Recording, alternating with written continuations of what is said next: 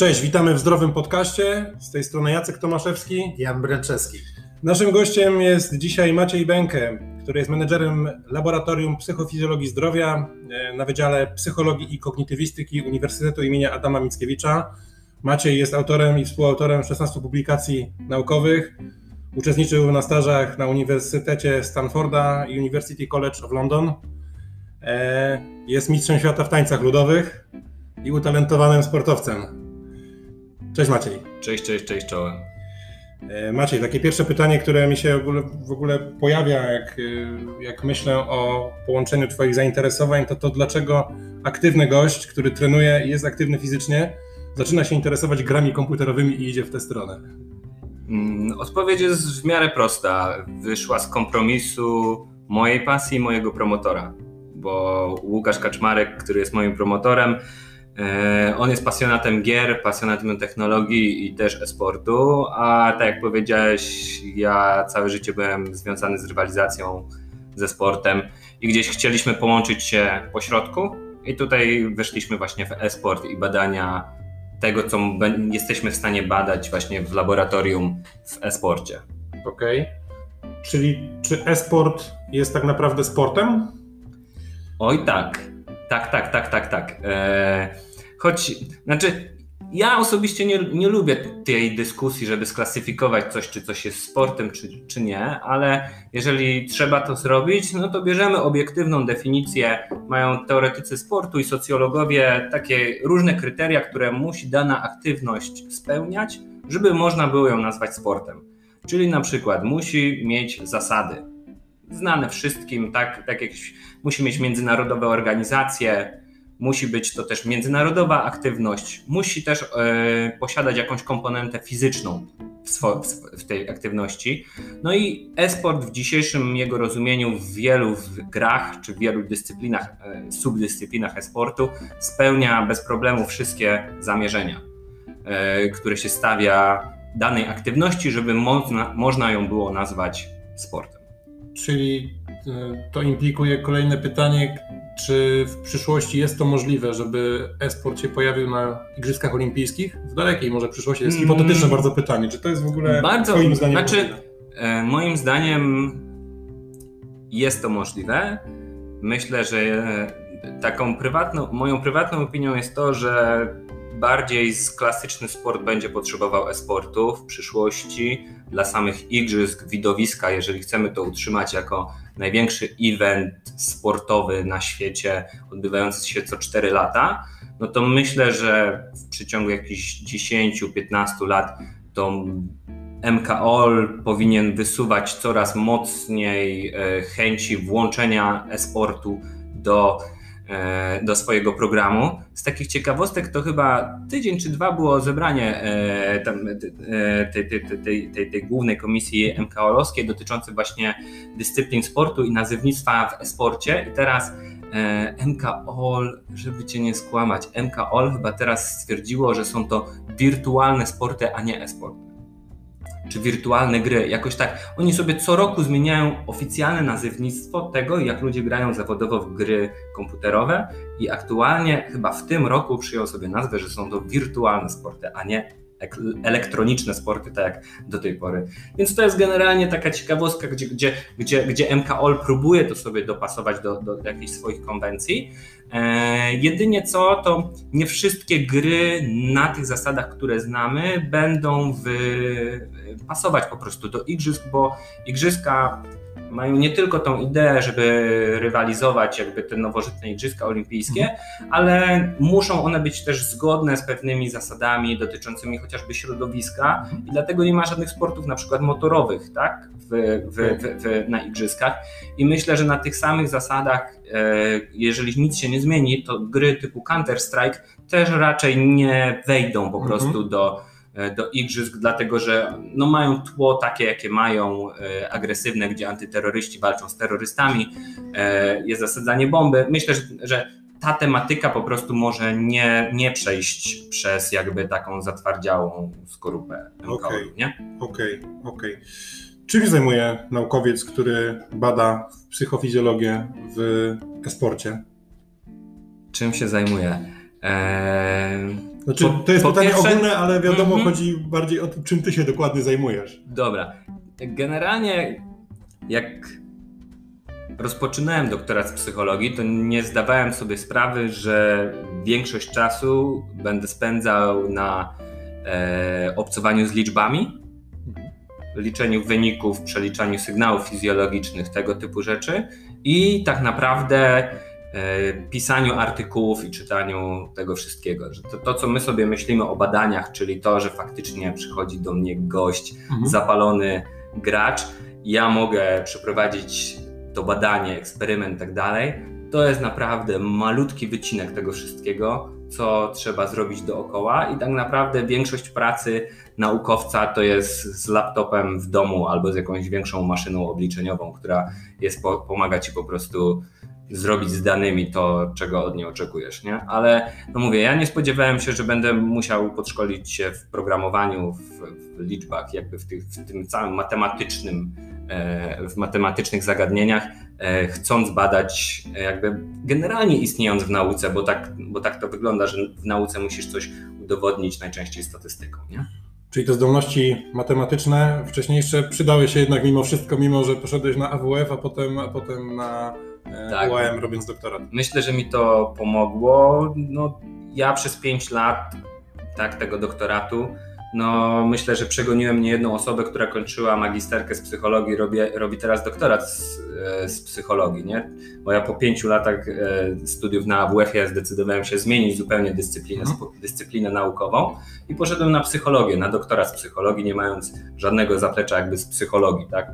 Okay. No i myślę, że jednak umiejętność e, trenowania różnych rzeczy pomogła mi w tym, żeby przez pięć lat stać się jednym z najlepszych naukowców psychologii w moim wieku. Okej, okay. Janek, jeszcze mam ostatnie pytanie z mojej serii, sorry. Czy w związku z cyberpunkiem planujecie lub zaczęliście robić jakieś, jakieś badania już? Badania nie, ale Łukasz streamuje e, cyberpunka, więc jak chcecie sobie wejść i popatrzeć jak naukowiec gra i co sobie gada w trakcie gry, A to na Twitchu, tak? Na, e, nie, na, na YouTubie kanał Nauka. Okej. Okay od jakby nauka, okay. tylko że Łuka jest okay. w środku od Łukasza. E, tam możecie zobaczyć sobie, jak naukowiec gra w e, Cyberpunka. E, Czyli nie wykluczacie tego, że w przyszłości może Łukasz może po prostu testuje i za chwilę będą tak, kolejne tak, badania. Tak, tak, to jest, całkiem, to, to, jest całkiem możliwe, że pojawi się to w jego głowie. Wiesz co, no teraz po prostu, no tak jak większość dziedzin zostaliśmy trochę uziemieni i badanie ludzi w laboratorium w kontakcie, podłączeniu elektrod do ciała i tak dalej, no to jest ograniczone i, i, i, i musimy z tym jeszcze trochę poczekać. Uniwersytety w Polsce dosyć zachowawczo podeszły generalnie do tematu. E, wyprowadziły studentów z uczelni. E, no i żeby w miarę płynnie badania szły, to potrzebujemy ludzi, którzy są w Poznaniu chętni przychodzić do, przechodzić. No jest dość duży przemiał w tym na uczelni, więc myślę, że, że, że, że od następnego roku akademickiego mam nadzieję, trzymam kciuki, złożyłem też duży grant e, na kolejne badania i mam nadzieję, że rozpoczniemy. Ale ty już grałeś? W Cyberpunka? Czy nie, jeszcze... nie, nie, nie. Ja Ale rozumiem, nie. że jak y, wasze partnerki, y, nie wiem, czy Łukasz ma żonę, czy nie ma żony, czy to jest, y, w każdym razie jak pyta was osoba, z którą żyjecie, co tak długo robicie grając, jeżeli, jeżeli gracie, mówicie, że to sprawdzacie pod kątem badań naukowych, tak? Tak, tak, tak, tak, jedynie, jedynie w tych celach. Ale sam też grasz, zdarza się. tak, tak, tak, tak, tak. tak. Okay. Masz jakąś ulubioną grę? Wiesz co, teraz przy tych badaniach, które ostatnio robiłem do doktoratu, tam gracze rywalizowali w FIFA. I to była gra, od której w sumie chyba zaczynałem swoją przygodę z jakimikolwiek grami, bo dostałem na komunię PlayStation. To pamiętam, to wiesz, to było wydarzenie, chłopaki po szkole przychodzili graliśmy. No i ja jakby, tak, tak, tak, tak, tak. I przychodziliśmy, graliśmy w tą FIFA i naprawdę łezka się wokół kręci, jak się tą FIFA odpali.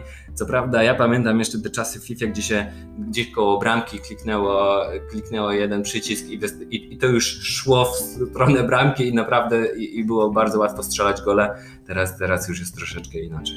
Okej, okay, ale właśnie jednym z takich Twoich ostatnich sukcesów z tego roku zostałeś laureatem Polskiej Nagrody Inteligentnego Rozwoju za pracę Psychofizjologiczny model wyzwania i zagrożenia we sporcie.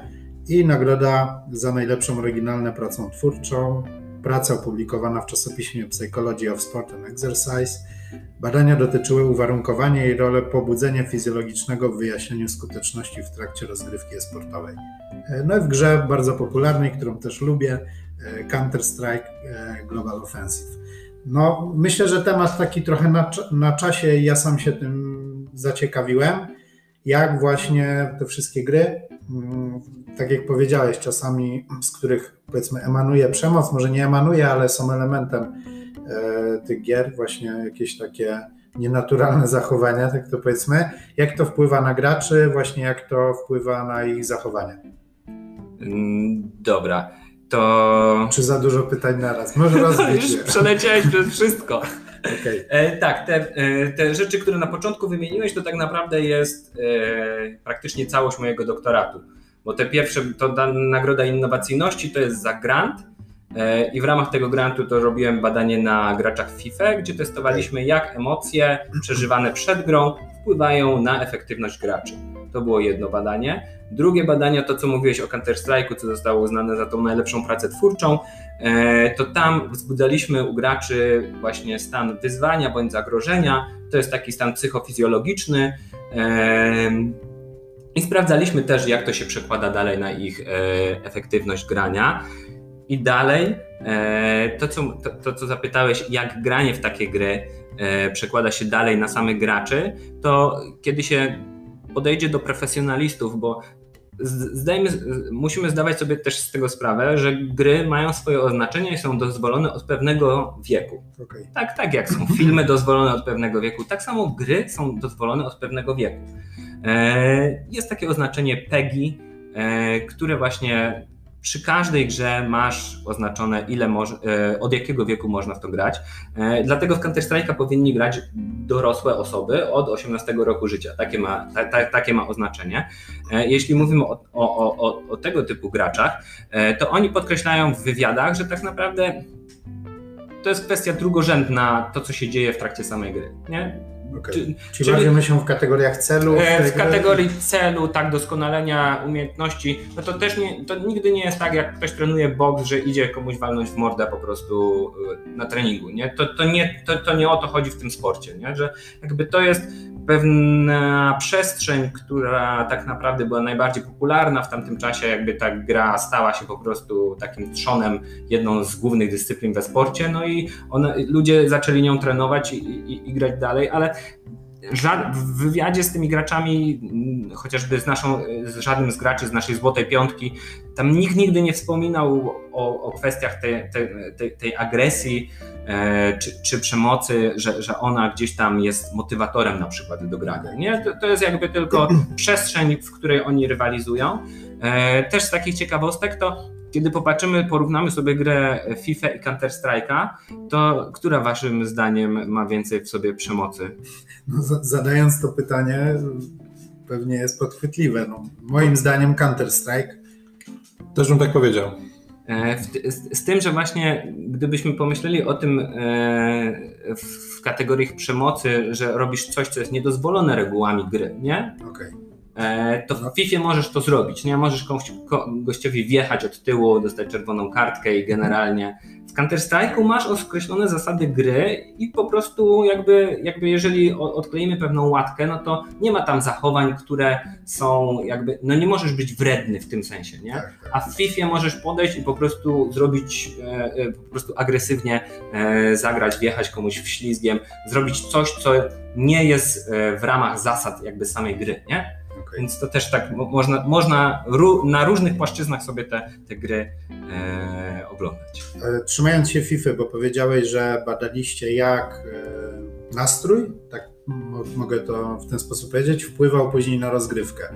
W sumie to jest ciekawe, jakbyś powiedział o tym trochę więcej, jak te emocje przeżywane przed grą e, wpływały na późniejszą rozgrywkę. Pewnie. Moje zboczenie naukowca każe mi cię poprawić. Bardzo dobrze, po, po to się spotkaliśmy. E, my badaliśmy emocje e, w psychologii, jak, jak, jak, sobie chcesz pomyśleć, e, czym się różni nastrój od emocji i od afektu, to jest to kwestia czasowa. Nastrój jest to coś, co się utrzymuje dłużej, okay. emocje to są takie krótsze zjawiska, powiedzmy do dwóch minut, które się utrzymują i afekt to są takie bardzo delikatne bodźce, prawie automatyczne, które wywołują, e, które wywołują niektóre sytuacje i one są dosłownie takie króciutkie, momentalne więc my tutaj daliśmy wpływ emocji, dlatego że eksperymentalnie e, wzbudzaliśmy przed każdą grą, gracze przychodzili do nas na badanie i grali pięć meczów. I chcieliśmy sprawdzić, że wzbudzenie jakiej emocji przed samą rozgrywką wpłynie na to, że oni rozegrają najlepszy swój mecz. I wzbudzaliśmy dwie pozytywne emocje, dwie negatywne emocje i stan neutralny. E, mieliśmy taką hipotezę, że bo na emocje możesz patrzeć w różny sposób. I naszym spojrzeniem było to, że emocje mogą być, mieć taki, mogą być pozytywne bądź negatywne, takie przyjemne, nieprzyjemne. Nie? To w miarę, w miarę czujemy o co chodzi, czyli rozbawienie czy radość będą takimi pozytywnymi emocjami, a smutek, złość będą negatywne, takie, takie jakieś nieprzyjemne. Ale można też emocje rozpatrywać pod kątem tego, czy nas motywują do dalszego działania bądź nie. I tutaj e, te, te, te wymiary się nie pokrywają, bo na przykład złość jest taką emocją, która jest nieprzyjemna, ale ona mocno motywuje cię do działania. E, jeżeli coś cię złości, to, to dążysz do tego, żeby po prostu stawić temu czoła, temu, temu czemuś, co cię złości i spróbować to przezwyciężyć. Naszą hipotezą główną było to, że nie będzie zależało od tego, czy coś jest przyjemne, czy nieprzyjemne, ale te, od tego, czy cię motywują bądź nie. I jakby tak, na takim, e, w takiej macierzy czterech emocji rozpatrywaliśmy sobie te, e, te kwestie. I wbrew naszym głównym hipotezom wyszło, że jednak pozytywne emocje polepszały e, działania graczy, a nie negatywne emocje i ten wymiar jakby tej motywacji dodatkowej nie grał takiej roli dla, dla, dla, dla samych graczy. E, dlaczego? Być może dlatego e, jedną z hipotez, które jakby mamy takie ad hoc hipotezy, tak? czyli, czyli wyszło nam jak wyszło i teraz musimy sobie to e, wytłumaczyć, dlaczego akurat tak było, jest to, że pozytywne emocje rozszerzają trochę myślenie. E, poprawiają takie kreatywne myślenie, e, trochę bardziej szerokowątkowo możesz patrzeć na pewne sytuacje. I w takich grach, myślę, jak FIFA, w których chodzi o kreatywne zagrania, przejście między, między obrońcami, myślę, że to mogło skutkować, mogło być delikatnie specyficzne dla FIFA, a być może w innych grach, gdzie ważna jest e, precyzja, szybkość reakcji, takich jak Counter-Strike, może mogłoby być trochę inaczej. Okej, okay, a no, pytanie właśnie o te emocje, bo to jest ciekawe, co mówisz, że te pozytywne emocje powodują lepszą rozgrywkę. Można przenieść e, wnioski z tych badań na inne dziedziny życia, że pozytywne emocje mogą cię e, właśnie lepiej motywować, tak nazwijmy, do, nie wiem, działań w biznesie albo do uczenia się w szkole, e, do lepszych relacji z drugą połówką? Taka jest e, główna hipoteza dotycząca, dlaczego pozytywne emocje wyewoluowały. Nie, żeby, żeby budować nasze e, takie zasoby dodatkowe, nie? E, więc pozytywne emocje właśnie powinny nam pomagać. Jedna z hipotez mówi o tym, że pozytywne emocje powinny nam pomagać wrócić z tych negatywnych stanów że one przyspieszają, przyspieszają nasz powrót, regenerację po wszystkim i myślę, że tutaj e, może być ważne, e, żeby wzbudzać te pozytywne emocje po wysiłku, tak? Czyli na przykład wracamy ze szkoły i logiczne wydaje nam się, żeby się odprężyć. Tak, czy, czy, czy, po treningu bardzo ważne jest to, żeby skończył się trening, ale gdzieś tam może regeneracji pom pomóc po prostu fajnie spędzony czas z kumplami jeszcze w szatni, e, żeby od tego nie uciekać, nie? I czy można generalizować? No generalnie badasz bardzo specyficzny wysiłek, tak? tak. E, e, czy, czy, bardzo specyficzną kwestię, ale no takie jest założenie nauki, że, pewnie, że, że na pewne rzeczy powinniśmy móc to uogólniać, Aczkolwiek nie mam swoich badań, ale są, są badania, które pokazują, że generalnie pozytywne emocje dość mocno e, pomagają w różnych kwestiach, aczkolwiek jak, jak, jak mówi najpopularniejsze słowo 2020 roku, to zależy. E, I, i, I, zgodnie z teorią to zależyzmu, e, Czasami przekonania osób na temat tego, czy pozytywne ci pomagają, czy ci przeszkadzają, również mogą gdzieś tam wpływać w interakcje i nie do końca jest tak, że na wszystkich pozytywne emocje będą super i zaraz myśl pozytywnie i będzie wszystko jak najlepiej. No, ta kwestia jest po prostu dużo bardziej złożona. Okay. Czy porównywaliście e, w, jakiś, w jakimś stopniu uczucia towarzyszące w graniu i porównywali się to z jakimiś innymi przyjemnymi momentami, nie wiem, uprawianiem sportu, oglądaniem telewizji, jakimiś relaksacyjnymi. E, no to... Jak to wypadło, jeżeli takie coś miało miejsce? Wiesz co?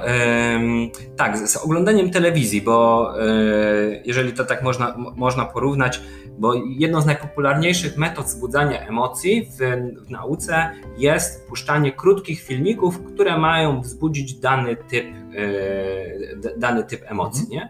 Więc możemy, myślę, że to tak porównać do oglądania e, telewizji i przede wszystkim intensywność przeżywanych emocji była zupełnie inna. Podczas tego pierwszego badania w Counter-Strike'u to e, tam, tam, był, tam był taki symulacja małego turnieju esportowego. I tak jak przychodzili chłopacy do nas, do laboratorium, no to oni siedząc, średnie tętno całej grupy to było 90, nie? Więc to, to, to już nie jest e, odpoczynek, relaksacja, a oni tak mieli, tak mieli właśnie e, być przed samą rywalizacją i potem to tętno tylko wzrastało jakby w trakcie samej rozgrywki, więc na pewno pod tym kątem to widzieliśmy dużo intensywniej przeżywane emocje, no bo jak powiedzmy sobie do ruchów Ci, ci, gracze nie potrzebowali nic więcej niż oglądania telewizji i oceniania e, sobie, sobie suwaczkiem swojego, swoich, swoich emocji, więc na pewno dużo intensywniej przeżywają te emocje. Myślę, że mają też dużo większą kaskadę nie? Od, od bardzo pozytywnych i bardzo negatywnych. No, z, zdarzały się przekleństwa, coś, co, co, czego nie, obraz, nie, nie, nie, oglądasz na co dzień w laboratorium, mhm. że ktoś siedzi i zaczyna przeklinać, albo no, u nas się hamowali, nikt nie rzucił nam myszką ani okay. klawiaturą, nie? ale to pewnie dlatego, że byliśmy w laboratorium, ale no, myślę, że, że, że, że, czasami do takich rzeczy dochodzi mimo Ile wynosiło takie średnie tętno gracza, osoby zaangażowanej w grę?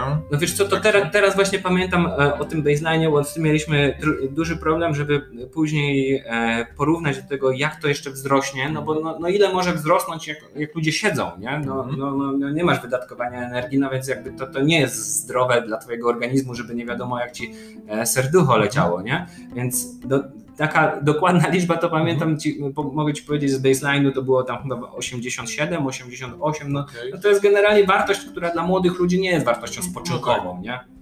A to było po prostu oczekiwanie na grę, ja zaraz zagram, nie? A już w trakcie gry tak z głowy ci nie szło. Maksymalne tętno E, wiesz co, no, no widywaliśmy takie e, podjazdy tam 120, 130, 140, ale to wiesz, to, to, to, też nie mogę, ci, nie, nie mogę z stuprocentową e, pewnością powiedzieć, co wywołało ten, ten, ten, ten, dany pik, nie? bo ja potem oglądam dane i widzę, że to było w trakcie gry, widzę falkę, że ona wzrosła dość, dość znacznie, ale nie wiem, no być może po prostu gość nie mógł, nie mógł trafić siódmy raz na bramkę i to było, wiesz, jedno, że gra, a drugie, że właśnie bardzo mocno wzbudzą jakaś złość sportowa, tego typu rzeczy. Jasne. No. Okej. Okay. E, rozmawiamy o grach, też powiedziałeś o tym powrocie ze szkoły. Dzisiaj e, nie wraca się ze szkoły, tylko odchodzi się od komputera w domu. E, I mówi się o wielu zagrożeniach, jakie stwarza właśnie granie w gry wideo, powiedziałeś już o tym limicie wieku, e, zwłaszcza młodzieży. I pytanie właśnie, czy rzeczywiście jest to zagrożenie, e, granie w gry, czy jest to po prostu nowy kierunek rozwoju mózgu? Mm, znowu bardzo szeroko, szeroko lecimy. Myślę, że we wszystkim trzeba podchodzić umiarkowanie. Jedna kwestia, no to to jest ten kontekst, w, którym teraz się pojawiliśmy, nie? czyli ludzie siedzą, siedzą, siedzą, kończą siedzieć i znowu zaczynają siedzieć przy grach, nie? Tak, tak, tak, jak powiedziałeś o uczniach. Myślę, że, że, że to warto gdzieś tam by było rozbić, żeby mimo wszystko no, stymulować ruch. No bo no, najgorsze, co możesz zrobić dla swojego organizmu, to jest po prostu być w jednej pozycji przez dłuższy okres czasu, nie? niezależnie czy to jest stojąc, leżąc, siedząc. Nie? Więc pod tym kątem no, proponowałbym jednak z, pewną zmianę, nie? żeby nie, nie, nie zamykać Teamsów i włączać CS-a, tylko no, może jeszcze przejść się po bułki, nie? Albo no, no, no, no, no kumamy mniej więcej o co chodzi. Ale to jest jakby kontekst tych czasów, w których, w, które nas spotkały, ale drugi kontekst dotyczący jakby szkodliwości całego zagadnienia gier komputerowych, bo wiele osób tak to spostrzega, że to jest jakieś takie wynaturzenie, które po prostu spotkało i teraz wszyscy grają, grają, grają, nie możesz odciągnąć nikogo od gry. E, jedna kwestia to jest taka kwestia społeczna, że badania pokazują, że aktualnie dzieciaki, które nie grają, to, to, to są dzieciaki, które są bardzo często wykluczone społecznie, bo, to, bo, bo one nie mają o czym rozmawiać z kolegami, tak? Bo wszyscy, a ja w Fortnite mam nowego skina, coś, a on nie wie, nie? A on, a on nie grał. Ale on... tak było już jak my chodziliśmy do podstawówki, nie? To nie jest nawet super taki nowy trend, bo już pamiętam, że jak, jak my chodziliśmy, to też Ale było podobnie, nie? też jeszcze nie wszyscy na przykład mieli komputer, Wiesz, my się spotykaliśmy też na przykład właśnie tak jak mówisz, nie? U mnie na chacie, u ciebie na tak. chacie sobie pograliśmy, a teraz jednak wiele osób gra u siebie i, tak. i, i to, jest, i, i, to jest wszystko. E, więc jakby gra jest ważna, dlatego że jest to no jest to fala, która po prostu sunie, tak? I większość osób gra w gry, wie o co chodzi w grach. No i to jest coś takiego, że jak jesteś spoza w ogóle tego nurtu, no to jesteś takim no, odludkiem aktualnie, nie? I że teraz główną, no nie możemy się po prostu stanąć twarzą twarz z taką falą, bo ona nas zmiecie. Trzeba się raczej nauczyć na nie pływać. No co, co wiemy wszyscy w trójkę, no nie stawia się żywiołowi, tylko spójrz sobie i zasurfuj nie? Z, ty, e, z tą falą. Więc na pewno można wykorzystać do wielu bardzo pozytywnych rzeczy gry. Można się bardzo wielu rzeczy nauczyć. E, od, od dawien dawna ludzie grający w gry zawsze wspominają, że uczą się w ten sposób języków. Mhm. Tak, to nie ma żadnych ograniczeń, żeby grać z ludźmi na całym świecie i bardzo wiele osób gra w obcych językach, komunikując się czasami bardzo prostymi sformułowaniami, ale mimo wszystko. Tak? Są takie ba ba ba bardzo dobre badania na temat tego, e, jak rozwija nasz mózg gra. No, jak porównamy sobie to do e, oglądania telewizji, to jest to mimo wszystko aktywna rozrywka. Cały czas się musisz dostosowywać, cały czas musisz aktywnie działać, przetwarzać bodźce. Nie możesz po prostu sobie usiąść, wywalić języka i oglądać tego przez, przez, przez parę godzin, ale cały czas musisz się dostosowywać i te funkcje poznawcze faktycznie, faktycznie działają sprawniej u graczy, u osób, które jakby grają, niż przeciętnych osób, które jakby nie grają. E, Pytanie, czy można też to stymulować w inny sposób, bo pewnie przez sport, przez inne sporty też można by było, ale jakby gry, gry tutaj też mają e, pewną wartość. I może dla osób, które nie mogą w inny sposób, tak? No, no, no, no, no teraz sobie... jesteśmy zamknięci w domach, więc dla wielu osób to jest jest też zima, tak? Jedyny bodziec taki, nie? Z tą nauką języków obcych jeszcze pamiętam, że jak e, to były lata 2000, początek lat 2000, kiedy tam te pierwsze konsole gdzieś tam, gdzieś tam niektórzy z nas już, już mieli, e, to menu było tylko w języku angielskim i e, no bo nie było za bardzo polskich mm -hmm. interfejsów i pamiętam, że jak z FIFA się wychodziło, to EA Games pytało Are you sure? I któryś z nas powiedział No, I'm Coop. Tak, tak, tak, tak, tak. Były teksty, były teksty. Ale właśnie tutaj zanim zaczęliśmy nagrywać ten podcast, mówiłeś, że na przykład stymulowanie poprzez gry komputerowe jest też dobrym kierunkiem dla osób starszych, tak? Zamiast siedzenia pasywnie przed telewizorem, dobrze by było, żeby walnęli sobie rundkę w Counter-Strike'a albo po prostu zagrali meczyk z znaczy, FIFA, tak? Pewnie, pewnie e, gdybyśmy dali osobom starszym Counter-Strike'a, byłaby to za szybka gra, nie? No, bo to jest bardzo szybka, złożona, dynamiczna gra, w, w której decyduje szybkość, ale, te, e, ale, ale faktycznie sens, sens jest jak najbardziej właściwy, dlatego że jednym z powodów, dlaczego ludzie po prostu, ludzie zaczynają tracić pewne zdolności takie poznawcze e, e, związane z szybkim myśleniem na starość, dlatego że po prostu przyzwyczajają się do swojego życia. Tam się pojawia bardzo mało nowych rzeczy, e, z którymi muszą się zmagać. Tak? My do końca studiów, no to co chwila mamy coś nowego, potem jest początek pracy, znowu masz coś nowego. I później bardzo często pokolenie naszych rodziców pracowało w jednej firmie przez całe swoje życie już gdzieś tam to się wszystko automatyzowało i nie ma tam takich nowych bodźców, nowych wyzwań.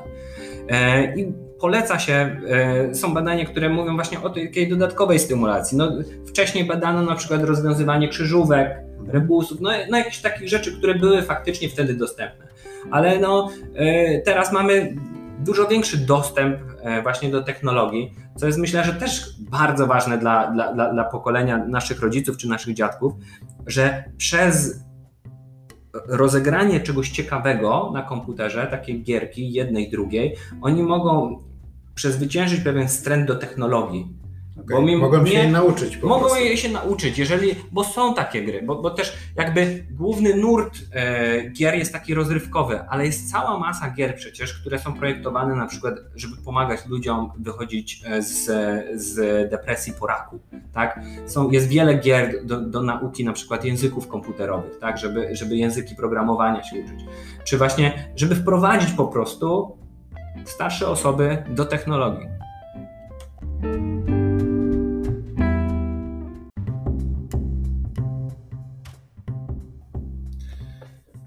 Macie, jeżeli chodzi o inne y, cele, którym, które mogą służyć y, gry komputerowe, jeżeli chodzi o wpływ na zdrowie, to no jeżeli y, rośnie to tętno, wrócę teraz do tego, do tego tętna. I wchodzimy w przedziały tętna, w których spala się tłuszcz, nie wiem, powiedzmy między 110 a 140, zależy tam od organizmu wieku, czy jest możliwe, żeby móc jednocześnie i grać, i chudnąć? Znaczy na pewno, ale e, znaczy, po pierwsze tak, no fizjologii nie oszukasz. No jeżeli przyspiesza ci serce, no to wiadomo, że zużywasz energię i jakby cały cykl e, się toczy. Ale też tradycyjnie o grach myślimy sobie siedzi z padem w ręku albo przed klawiaturką, a jest przecież cała masa gier, w których stoisz tak, wszystkie Dance Hero albo Guitar Hero. No, no, no jest cała tak. masa tych gier, Exer Games to się chyba fachowo nazywa, w których ćwiczysz i grasz, tak? W sensie są te gry sportowe typu właśnie imitacja y, Igrzysk Olimpijskich, czy w golfa, to, to polecam, rozrywka jakby dla całej rodziny, właśnie granie w golfa, ruszanie się. Myślę, że to jest pewien pewien dział rynku, który nie jest e, w pełni wykorzystany, no bo jeżeli możemy ćwiczyć do po prostu, nie wiem, klasycznej, przysłowiowej chodakowskiej e, na YouTubie, no to myślę, że bardziej interakcyjne mogą być nawet również te gry, tak? bo one mają potencjał do poprawiania cię. Bo jeżeli przy zastosowaniu kilku prostych czujników które zakładasz na siebie, na przykład opaski na ręce, nadgarstki i, i w sensie na pasek i kostki, no to jesteś w stanie gdzieś tam połączyć, jak wyglądasz w przestrzeni, nie? Czy szczytywanie z ekranu, no bo jakby ten e, wizja komputerowa, no to, to, to, to są algorytmy, które bez problemu takie rzeczy szczytują. Jakby poprawa techniki przez, e, w, trakcie, w trakcie, w momencie wykonywania ćwiczeń, no to, to jest jak najbardziej możliwe jakby technologicznie, nie? W tych, w tych czasach. I dlaczego jeszcze nie ma takich tak zaawansowanych gier, które cię po prostu ustawiały trening, jeżeli coś robisz nie tak, no to bez problemu korygują twoją technikę, podnieś głowę, trzymaj mocno plecy, nie? Albo coś takiego. To jest jakby technologicznie jest to jak najbardziej możliwe, nie? Okej, okay. to by w sumie y, wyjaśniało też fenomen branży gamingowej obecnie w jakimś stopniu. Czyli rozwój tego, co się dzieje, powoduje, że ludzie się tym coraz bardziej interesują, właśnie o to też Cię chciałem zapytać. E, skąd ten fenomen branży gaming, gamingowej obecnie? Jakby to, że ludzie się profesjonalnie przystosowują do, do tych gier, kupują sobie drogie fotele, drogie, drogi sprzęt do tego. E, jakiś czas temu widziałem materiał o facecie, który produkuje te fotele profesjonalnie i w bardzo młodym wieku e, stworzył, stworzył całkiem dużą firmę. Czy, czy ty masz na ten temat jakieś swoje zdanie? Skąd, skąd znaczy, ta, ta, popularność obecnie? Moje prywatne zdanie jest takie, że to jest po prostu mega ciekawe. Jeżeli zagrałeś w jakąkolwiek gierkę, to ona po prostu wciąga. To jest tak, znaczy, no, no to są w ogóle twórcy gier, to są jacyś tacy czarodzieje motywacji, tak? Bo oni naprawdę dokładnie wiedzą, jak pociągnąć za sznurki, żebyś chciał kolejny level, kolejny level nabić. Nie? Jakby cała tematyka gry, jak to się wszystko toczy, jest to mega ciekawe. I mało rzeczy jest tak dobrze nawet e, jakby programowo rozwiązane w takim naszym codziennym życiu. No nawet szkoła nie jest tak ciekawa jako ogół, tak? Nie idziesz do szkoły zaliczać kolejnych leveli, nie jest to tak przedstawiane ciekawie, jak jest przedstawiana gra komputerowa. Jest to tak ciekawe, że to po prostu wciąga. No, z racji tego, że wszyscy obcujemy od najmłodszego wieku teraz tą technologią, no to jest to właśnie to mega ciekawe, powodujące całą masę emocji, no i no jakby naturalnie wychodzi w tą stronę, tak? No, Czyli tak jak Netflix, y, tylko że jest bardziej interaktywne, czyli lepiej grać niż oglądać Netflixa. No zdecydowanie. No, to, to, to, to, to uważam, że zdecydowanie lepiej pograć sobie w gry niż pasywnie przyjmować jakby. Okej. Okay. okay. Powiedziałeś też o motywacji. Właśnie tutaj mam e, Twoją książkę. Jesteś współautorem książki Trening mentalny, psychologia sportu w praktyce. E, powiedz mi, e, no bo trening mentalny gdzieś tam zahacza o tematykę rozwoju osobistego. Więc pytanie, czy rozwój osobisty to to samo co trening mentalny? Myślę, że te dwie rzeczy gdzieś na pewno się pokrywają w swoich zagadnieniach. Trening mentalny dotyczy, dotyczy tej części psychologii dookoła sportów, która jest sprecyzowana do podnoszenia efektywności y, sportowej. Mhm. Nie? Że tak jak się definiuje, też w sumie tak się definiuje psychologię sportu, że to nie jest wszystko, co dotyczy psychologii i sportowca, tylko to jest ten wycinek, jeżeli tak chcemy sobie wyciąć, czym jest psychologia sportu, to to jest to, co dotyczy właśnie podnoszenia efektywności i, i, i wszystkiego z tym związanego. No i my tutaj ten trening mentalny też tak rozumieliśmy. Czy jest związany on z rozwojem osobistym? Myślę, że też Mhm. Bo, bo, bo jest wiele zagadnień, które się będą pokrywać między jedną a drugą rzeczą. Chociażby te kwestie, kwestie te, o których powiedziałeś, związanych z motywacją.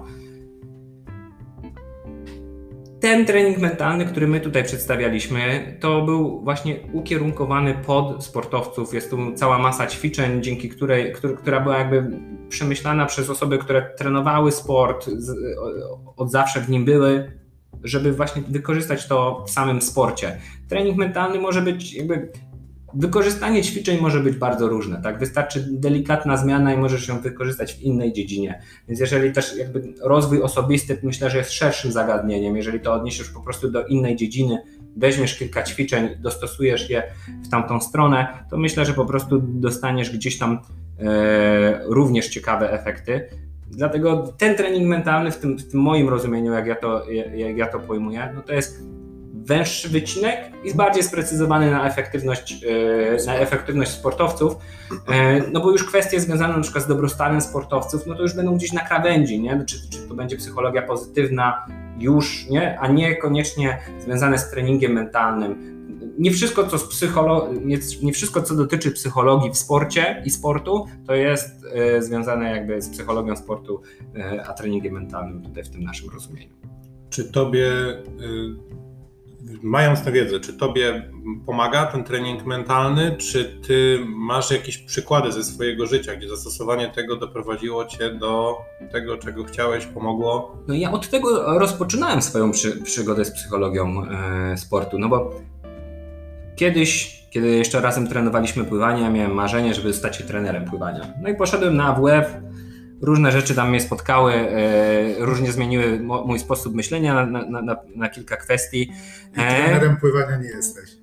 Nie. Znaczy, czy pytasz, czy mam y, zawód w ręku, trener pływania? To tak, wiem, że tak, owszem mam.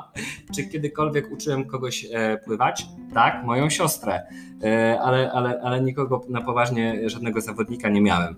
E, I gdzieś tam w trakcie studiów zaciekawiło mnie właśnie kwestie związane z głową, tak szeroko pojętą głową w, w sporcie. E, były jedne zajęcia na, na, na AWF-ie, potem pojechałem na Erasmusa. Tam też był e, świetny, świetny trener e, łyżwiarzy szybkich, który też wykładał nam psychologię sportu. Gdzie był ten Erasmus? W Danii. Okay. W Danii, w Danii. No, generalnie Erasmusy w Danii świetne przeżycie. Ale czy ja to wykorzystuję? Tak, jak skończyłem z pływaniem i jeszcze jak, jak trenowałem pływanie, trenowałem też taniec. E, I wszystkie te techniki, tak naprawdę, które tutaj są opisane w książce, czy, czy które poznawałem, zawsze testowałem przed występami. Tak? Czyli jak przygotowałem się do koncertu, to czy treningi oddechowe, poszedłem sobie za kurtynę, tak, i w kulisach, nagranie w uszy, i przygotowanie do, do, do, do, do jakby samego, do samych występów, czy motywowanie się, wyznaczanie celów, jakby to wszystko sam najpierw przerobiłem, no jakby I po, po, po studiach no stwierdziłem, że, że generalnie zgromadziłem taką masę ćwiczeń i w sumie fajnie by było się z tym kim, z kimś podzielić. I wtedy trafiłem na kapitalne dziewczyny Karolinę Chlebosz i Magdę Kaczmarek, e, z którymi stwierdziliśmy, że napiszemy, złożymy to wszystko w całość w formie książki, no i tak powstała ta książka. Nie? Więc ja wszystkie te ćwiczenia, które tutaj są, jakby przetrenowałem, przećwiczyłem, jeszcze gdzieś, o tak, jeszcze po drodze e, współpracowałem z Piotrem Gronkiem z AWF-u. E, to jest człowiek od koncentracji. E, I tam też myślę, że on miał też bardzo duży wpływ na to, że stwierdziłem, że chcę się zajmować tą psychologią sportu. No i na, na początku być może trochę z lenistwa wybrałem doktorat z psychologii, a nie studia magisterskie z psychologii. Dlatego, że mm, jedno i drugie trwa mniej więcej podobnie, a po jednym już jesteś doktorem, a po drugim e, jesteś psychologiem. E, dlatego, dlatego jakby poszedłem w tą, w tą stronę e, z treningiem mentalnym, więc ja to wszystko przetrenowałem znam to od podszewki, czy mi to pomaga? No jak najbardziej, no, no jak trzeba się przygotować przed jakimś przemówieniem, no to, mhm. no to, no to, to, to jest w praktyce wszystko, tak? No wychodzę sobie za drzwi, e, przygotowuję się, tak? Komunikaty mowy wewnętrznej, no, no to wszystko po prostu no, namacalnie w praktyce, czy jak siedzisz i możesz tylko siedzieć na sali, bo siedzisz w pierwszym rzędzie, zaraz zostaniesz wyczytany do prezentacji, no to trening oddechowy, uspokojenie, wizualizacja, no to, to wszystko jak najbardziej w codziennym życiu przydaje się bardzo. Czyli wiedza praktyczna, która jest właściwie skarbem i pokazywane jest to nie tylko na tym szczeblu czy poziomie powiedzmy sportu zarówno amatorskiego lub profesjonalnego, ale profesjonalnego nawet na najwyższym szczeblu, bo Michael Phelps y, kilka lat temu przyznał się, że po, po biciu E, po zdobyciu e, wszystkich możliwych prawie, że medali olimpijskich przyznał się do ciężkiej depresji po tym, że jak to już się wszystko skończyło, to on nagle nie wiedział, co miał ze sobą zrobić. Także ta wiedza chyba daje też to, że wiesz, jak się zachować, jeżeli chodzi o odniesienie sukcesu, jeżeli chodzi o porażkę, to jest dość wszechstronna, z tego co rozumiem. E, to ja mam w sumie pytanie, bo tu fajnie Jacek zahaczyłeś o ten temat. No widzimy mnóstwo takich przykładów właśnie ze sportu, chociażby Mike Tyson, tak, też z boksu, gdzie ludzie, którzy wchodzą na szczyt i w pewnym sensie są też takim no, idolem dla wielu osób, takim półbogiem wręcz, e, nagle się staczają. E, czy nie wiem, znasz jakieś badania albo masz swoje przemyślenia na ten temat, co, co się dzieje, tak? Co się dzieje, że ktoś, kto jest e, no, najbardziej utytułowanym olimpijczykiem jak Phelps, czy właśnie no, jednym z najlepszych bokserów w historii w ogóle jak E, Mike Tyson, czy to ich zżera presja, czy właśnie ta depresja bierze się z braku kolejnych celów, czy z tego, że oni, nie wiem, boją się wejść w nową rolę, no bo jak już w jednej roli odnieśli wszystko, sukces tam, gdzie mogli, no to co dalej? Jak to wygląda z Twojej perspektywy jako psychologa? Mm. W związku z tym, jak Wam powiedziałem, nie poszedłem na studia z psychologii, więc nie jestem psychologiem i e, nigdy nie będę mógł pracować jako psycholog. Okay pomimo posiadania nawet profesury z psychologii, nie będę miał tytułu zawodowego psychologa i jakby na tych kwestiach też takich klinicznych, na nich się po prostu nie znam i też nie chcę się wypowiadać w takich takich kwestiach jakby zero-jedynkowych, co to powoduje, jakie są tego implikacje, bo, bo, bo mówię, no mogę mieć jakąś opinię na ten temat, ale nie, nie, nie jestem w tym, e, jakby mój autorytet tego, że robię doktora z psychologii nie, nie wpływa na to, że ja wiem na ten temat więcej niż wy, tak, w sensie, że, że mam pewne przemyślenia. Myślę, że jedną z głównych rzeczy jest e, kwestia e, związanych z motywacją. Jednak mimo wszystko, jak, jak spojrzymy na to, że gość przez naście lat wstawał po to, żeby coś robić i nagle budzi się i to już, i, i, i, i już nie wie, co robić, nie? No bo, no, bo, no bo kończy się pewien cel, tak? I dlatego wprowadza się bardzo dużo jest programów takich yy, związanych z przejściem na emeryturę sportową. Teraz są coraz modniejsze, coraz bardziej popularne w tych takich kręgach międzynarodowych, w których osoby na ostatnich roku, dwóch kariery starają się tych ludzi wprowadzić gdzieś tam do, do, do, do innych branż, do, do tego, w czym są dobrzy, tak żeby mieli płynne przejście, jakby koniec kariery, emerytura, niekoniecznie związana z, nawet ze sportem, tak, żeby było, właśnie było możliwość po prostu przejścia do normalnego życia. Nie? Okay. No chyba nawet Michael Jordan miał podobną historię, że w pewnym momencie e, musiał się odbudować, tak, psychicznie, mentalnie, poszedł pograć w baseball i tak z jakimiś tam sukcesami i wrócił i chyba po tym epizodzie zaczął osiągać jeszcze większe sukcesy, tak? Więc to przykładów jest sporo. No jesteśmy w Stanach przy Phelpsie, przy Jordanie, siedzisz dzisiaj w bluzie Stanforda. Może powiedz trochę więcej na temat tego stażu tak? Bo to był staż tak, tak, tak, tak. To był, Stanforda. Tak, dokładnie. E, spędziłem e, staż pod opieką teraz chyba, nie wiem czy nie najczęściej cytowanego psychologa na świecie w, w, w ostatnich pięciu latach, e, Jamesa Grossa, to jest guru od regulacji emocji. Gość, który tak naprawdę wyrósł z tych teorii stresu i zaproponował, że się reguluje emocje, a nie tylko działa na stres, nie? że to, jakby trochę szerzej, trochę szerzej na to spojrzał i teraz jest właśnie kierownikiem takiego e, też laboratorium psychofizjologii, więc tutaj tak pomyśleliśmy, że skoro my mamy takie laboratorium, ten gość jest najlepszy na świecie, no to może bijemy do niego na staż, nie? Taki, taki, taki był pomysł. E, I to, to jest niesamowite, jaką otwartość mają ci ludzie. Nie? Moje doświadczenie jest takie, że im wyżej są, tym są bardziej otwarci do pomocy, do, do, do, do współpracy. I wiecie, spodziewacie się, że wyślecie maila do, do, do człowieka, który jest topem topów, to może dostaniecie za miesiąc odpowiedź. Dostaje się w ciągu pięciu minut. Nie? Teraz moja znajomość z, z Jamesem e, jest od trzech lat. Ja nie znam nikogo, kto pracuje tak szybko jak on nie? i odpowiada na maile chłopaczkowi z Polski, no bo no, no, no, tak się trzeba postawić w takiej sytuacji. Tak? No, ja jestem jakimś doktorantem z Polski, który był u niego na stażu, a jak wiesz, piszemy artykuł, to ja go mu wysyłam na przykład e, w piątek wieczorem, a on mi odpisuje w niedzielę od rana, e, trzymaj, poprawiłem artykuł, zrobiłem tutaj, przemyśl tą, tą, tą kwestię. Nie, nie spotkałem nigdy tak szybko pracujących i tak, tak dobrze pracujących osób jak tam.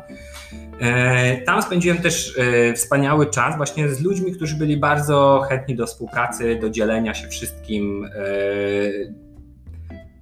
coś, co wydaje mi się, staram się odtworzyć też tutaj jako menadżer. E, też poprowadziłem już takie trzy, w sumie trzy lata prowadzę staż staże po prostu u nas w laboratorium, gdzie staram się odtworzyć to, co robiliśmy tam, tak? że, że, że, że generalnie działamy razem, na, tworzymy naukę, ale w jakimś takim fajnym miejscu, w fajnej atmosferze, bo to było jakby tym clue e, na Stanfordzie. Nie? Tam no, ma, pracy było masa, tak? No, no, no, no to, to, to, nie jest tak, że ci ludzie są po prostu najlepsi i oni sobie, dlatego że są ze Stanfordu, no to, e, no to sobie po prostu dostają wszystko za darmo, tak? No, no jeżeli ludzie pracują od poniedziałku do niedzieli przez cały, przez cały czas, no to nic dziwnego, że po prostu potem mają z tego wszystkiego osiągnięcia, no i, i, i więc ja to wspominam jako kapitalny czas, naprawdę przepracowanie 60, pracowałem tam wakacje 60 godzin tygodniowo od poniedziałku do niedzieli, łącznie z czyszczeniem elektrod w niedzielę po śniadaniu, tak? No ale no,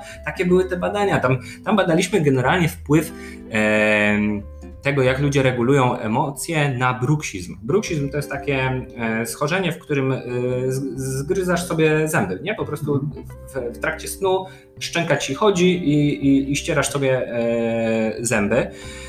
Więc my chodziliśmy do ludzi do domów, podłączaliśmy im sprzęt, ten, taką całe kablowanie fizjologiczne to trwało mniej więcej 3 godziny, czyli jechaliśmy do nich, 22, do pierwszej siedzieliśmy u nich na chacie, oni, oni szli spać, odbieraliśmy od rana sprzęt, więc to była jakby praca tam, no to, to było niesamowite przeżycie, ale no to było przeżycie takie, jakby cały ten czas yy, się pracowało. Nie? No, to, że byłem tam po prostu, wiecie, sam sobie tam pojechałem, w tym sensie nie miałem, e, nie było dziewczyny tam ze mną, no to mogłem jakby się w ten sposób poświęcić. Nie wiem, czy byłbym w stanie pracować tak samo na takich samych obrotach tutaj, gdzie ma się obowiązki, rodzinę i tak dalej, ale tam jak jadę, to jest jedyny cel, no to po prostu 100% e, zaangażowania e, no to i, to i to się opłaciło, nie? To, to, to muszę powiedzieć, że właśnie poświęcenie się pracy w tak, dużym, w tak dużym udziale się po prostu opłaciło. Podobne doświadczenie mam z tymi innymi stażami. Tam, e, tak jak Jacek wspomniał,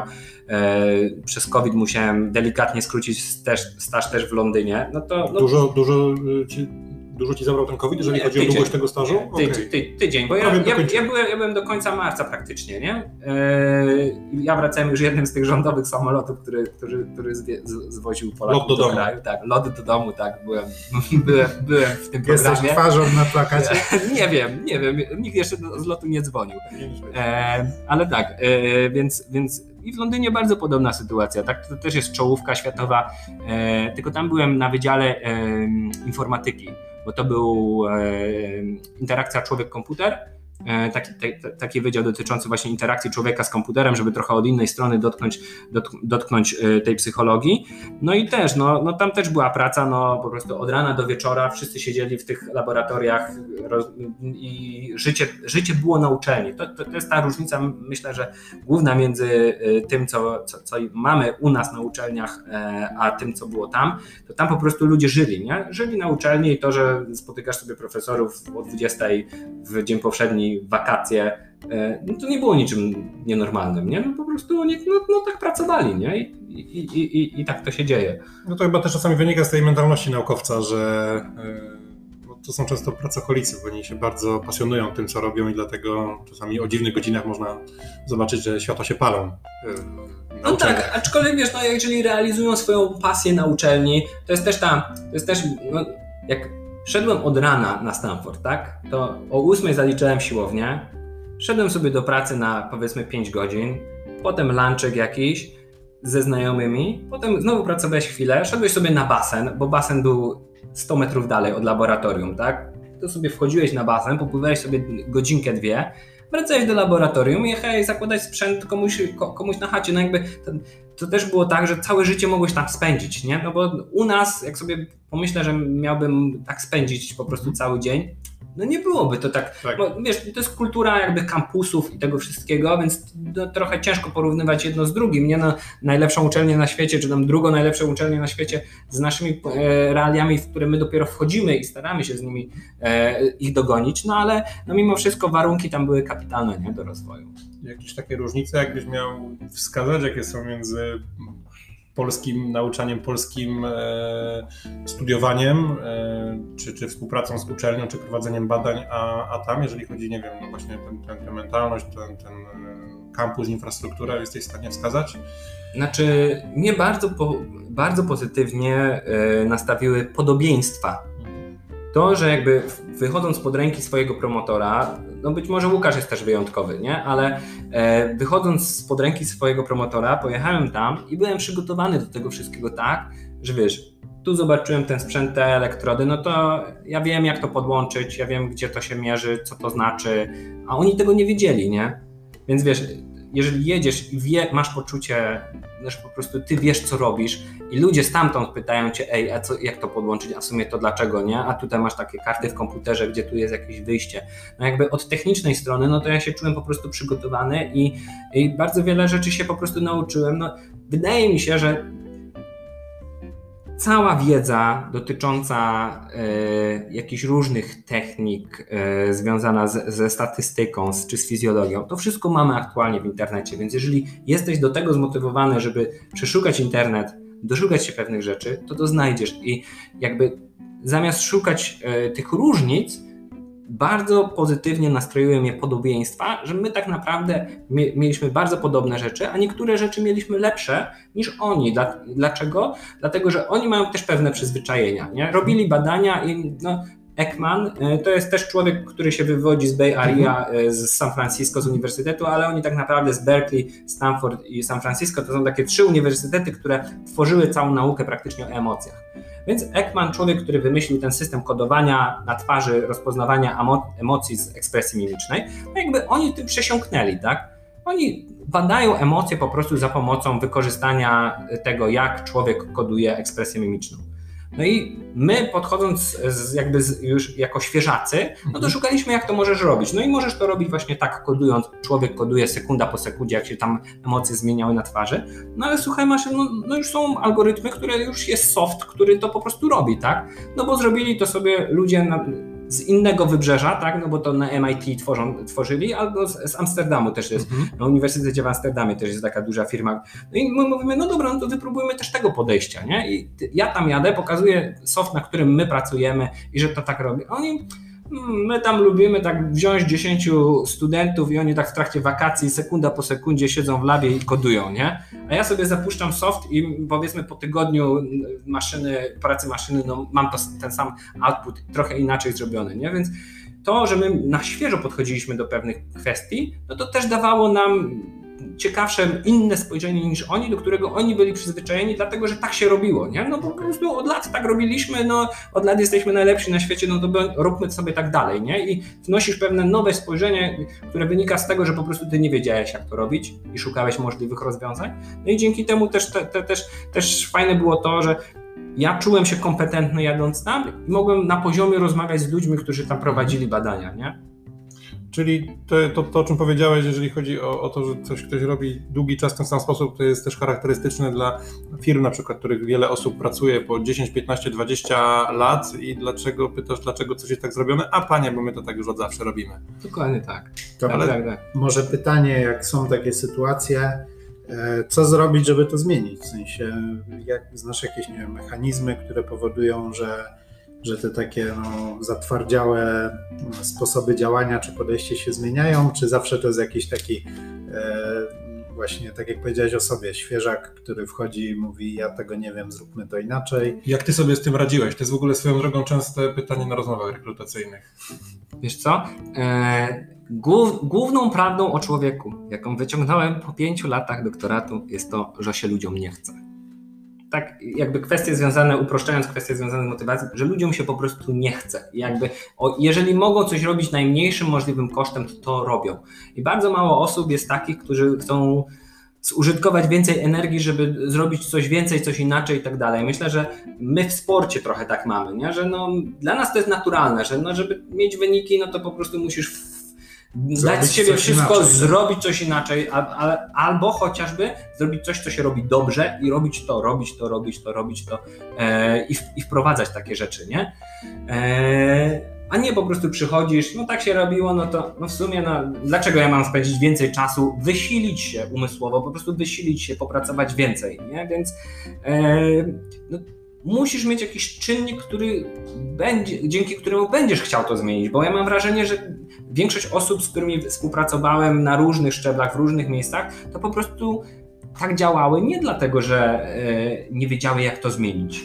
Dla nich to działało tak, bo tak chcieli, po prostu, tak? No jeżeli mamy tam, e, nie wiem, wymyślimy sobie, że dlaczego ktoś prowadzi tak zajęcia, tak? To on nie prowadzi tych zajęć dlatego, że nie wie, że, że one są złe albo coś takiego on tak chce prowadzić po prostu te zajęcia i on tak je, je, prowadził i tak je będzie prowadzić. Tak? No i dopóki człowiek sam nie zrozumie tego, że, że, że po prostu chciał, że, że chce coś zrobić inaczej, wtedy może dalej znajdzie gdzieś tam materiały, bo materiały są po prostu nieograniczone. Naprawdę w dziś, dzisiejszym czasie YouTube, Google i jeszcze kilka innych serwisów pozwalają ci po prostu dotknąć każdego kawałka wiedzy. No, nie ma czegoś takiego, bo jeszcze powiedzmy 20 lat temu to była ta przewaga tych e, uniwersytetów amerykańskich, że oni mieli tą zgromadzoną wiedzę u siebie. Nie? No, tam byli specjaliści, którzy, żeby się czegoś dowiedzieć, no to ty musiałeś na przykład czekać rok, dwa lata, aż wydadzą papierową wersję czegoś tam tutaj u nas w Polsce, tak? Bo, albo ktoś ci przysłał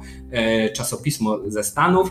No, przecież paranoją dla mnie jest to, że my się na, na przykład nadal uczymy z książek, które były wydane na przykład w latach 90. w Stanach po angielsku, w latach 2000 ktoś się przetłumaczył na polskich i to jest dla nas aktualny podręcznik, nie? Gdzie, gdzie po prostu w dzisiejszych czasach ktoś wydaje podręcznik w Stanach, no to tylko możesz mieć po prostu raz, dwa i online, dzięki na online na już i dzięki użyteczności języka, no to po prostu uczysz się na bieżąco, więc yy, najnowszych kwestii, nie? I to jest jakby przepaść, którą, którą, która już aktualnie nie istnieje, bo jeżeli ja chcę się czegoś dowiedzieć, to mam takie samą możliwość dojścia do tego, jak człowiek pracujący na każdym innym zakątku na świecie, czy jakby nie ma tej bariery, że tak, oni tak robili, więc oni mają jakąś taką tajemną wiedzę, jak to robić, a ty teraz, nie wiem, musisz gdzieś tam pojechać, żeby coś zdobyć konkretnego. Na przykład dla mnie najciekawsze rzeczy, które wyciągałem z tych moich pobytów, jest po prostu poznanie tych ludzi, jak oni pracują, kontakt z nimi, żeby zapytać, czy po prostu co on robi, jak to zrobi, nie? A nie to, że ja tam pojechałem, tam nie wiem, ktoś mnie tak namaścił, i, te, I, ja dzięki temu wchłonąłem jakąś teraz tajemną wiedzę, albo prze, przejrzałem jakieś takie e, manuskrypty, które po prostu były w piwnicach tylko. Zimbarto tam w tej piwnicy na Stanfordzie tam sobie zakopał i ja, ja, ja je odczytywałem. No nie, no nie, to nie, nie, nie w tym kwestia, nie?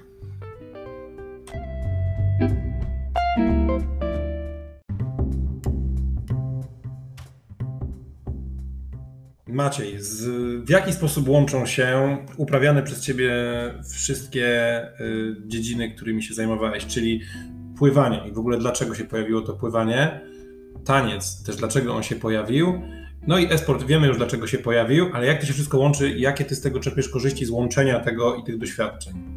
Wiesz co, myślę, że jedną kwestią, która na pewno łączy te wszystkie rzeczy, to są emocje różnorodne emocje w zależności od tego, jaka to e, specyfika, e, w sensie jaka dyscyplina, ale wszystko na pewno łączy mocne przeżycia, e, które wy, wy, wynikają z treningu i też samego występowania, bo to też, to też uwielbiam. Dlaczego zacząłem pływać? Bo byłem gruby. No tak, no, no tak, no. Ty mnie pamiętasz z tamtych czasów, kiedy po prostu byłem kulką.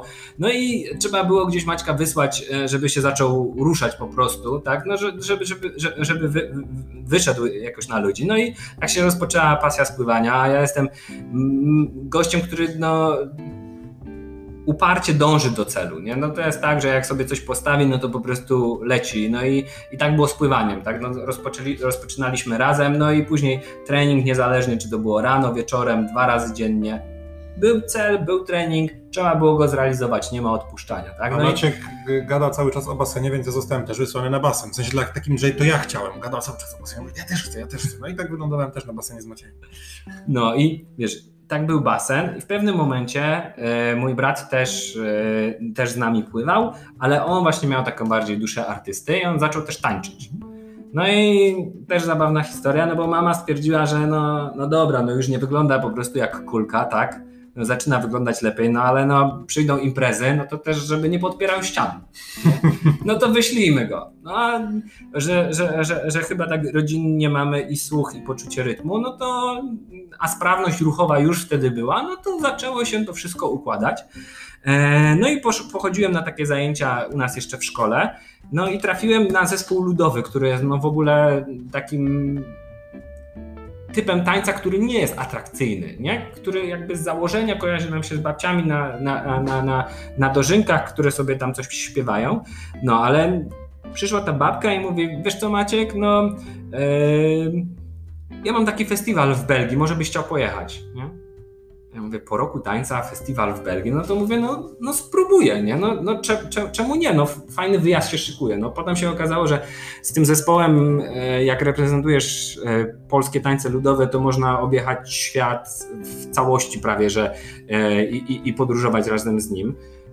Do tego znalazłem miłość w swoim zespole i e, swoją dziewczynę znalazłem e, w zespole, która była na początku moją partnerką tylko taneczną, teraz jest partnerką życiową. To ma dość częsty Więc... scenariusz w branży, czy nie? Znaczy, pojawia się taki scenariusz. No, my mamy pary i, są, i jest wielu singli, nie? Okay. To, to, to, też, to też nie jest tak, że wszyscy się schodzą na, na, na koniec swojej kariery. E, ale no te emocje różnorodne wszędzie wszystko łączyły i myślę, że te mocne doznania to coś, czego mi na co dzień e, trochę brakuje w takiej tej naukowej, e, naukowej kwestii, bo tam jest wszystko odroczone. Mhm. Wiesz, piszesz artykuł, piszesz go powiedzmy parę miesięcy, wysyłasz, czekasz czekasz, czekasz i po trzech miesiącach masz recenzję, nie? No to odpowiadasz, nie? Jesteś gotowy do walki, odpowiadasz na recenzję, wysyłasz i czekasz. Czekasz, czekasz i wiesz, i ty już skończyłeś badania, wiesz co ci wyszło i po roku dopiero masz odroczoną jakby tą gratyfikację związaną jakby z publikacją artykułu. Jak to się tak cieszysz kilka razy, no fajnie, nie? Ale brakuje tego, żebyś ty wziął to, co potrafisz, wychodzisz, jak na zawodach, nie? Wychodzisz, wychodzisz na scenę, pokazujesz, co masz i albo, albo wygrywasz, albo nie. No i tego mi trochę brakuje w nauce, nie? że tam jest tak, że no robisz i to jest wszystko tak wydłużone w czasie i nie ma takiej możliwości, że wiesz, wchodzimy 10 naukowców, każdy przedstawia swój artykuł, który jest najlepszy, jest publikowany. Nie? No, no, to jest wszystko taki cykl, który jest dużo dłuższy, tam jest dużo mniej emocji, no ale coś trzeba na starość robić. Nie? Jasne, jasne. Super, Maciej, myślę, że bardzo ciekawa rozmowa. E, pewnie będziemy robić jakąś kontynuację, bo tak jak mówisz, dużo pytań było złożonych. Także dziękujemy bardzo, że nas odwiedziłeś i ja mam jeszcze pytanie ostatnie. Sorry, że przed zakończeniem, ale mi się właśnie przypomniało, jakie to jest uczucie być mistrzem świata w tańcu i jak do tego dojść? Mm, jest to kapitalne uczucie, szczególnie, że jak jesteś e, mistrzem świata w tańcu, pokazując polskie tańce narodowe i ludowe, nie? że to jest coś, co siedzi myślę, że głębiej w nas, jakby z racji tego, że jest, wywodzimy się z pewnej kultury i jakby te dźwięki, które my wydajemy z siebie śpiewając i forma ruchu, ona jest gdzieś tam u nas taka trochę naturalna, z czego ludzie sobie nie zdają sprawy, na przykład disco pole jest oparte na polskich e, rytmach właśnie oberkowych i dlatego to nam tak wchodzi w ucho i fajnie, fajnie się, fajnie się zakorzenia. To jest cenna informacja. To, to jest najlepsza informacja, jaką dostaliście w tym podcaście. Możemy kończyć. No ale, ale generalnie, wiesz, to, to siedzi, nie? To są takie emocje, że jak wychodzisz na scenę i prezentujesz coś, że jesteś dumny z tego, z tego co prezentujesz, że to jest, to mhm. reprezentujesz swój naród, no to jest niesamowite przeżycie. Nie? Jeszcze ktoś to docenia, że ten folklor, nasz folklor okazał się być najatrakcyjniejszym dla sędziów i, i, i dzięki temu razem z zespołem Poligrodzianie zostaliśmy mistrzami świata w 2015 roku. Super. Przeszybko, ja myślę, że to było przed chwilą dosłownie. Okej. Okay. Dzięki bardzo. Dziękuję rozmowa. Dzięki. Czego Ci życzyć? W przyszłym roku? Żebym się nadal nie nudził, nie? I nadal robił to, co kocham. Dużo emocji w tej dziedzinie naukowej. Bez Dzięki. gratyfikacji. Dziękuję Dzięki bardzo. bardzo. To był zdrowy podcast.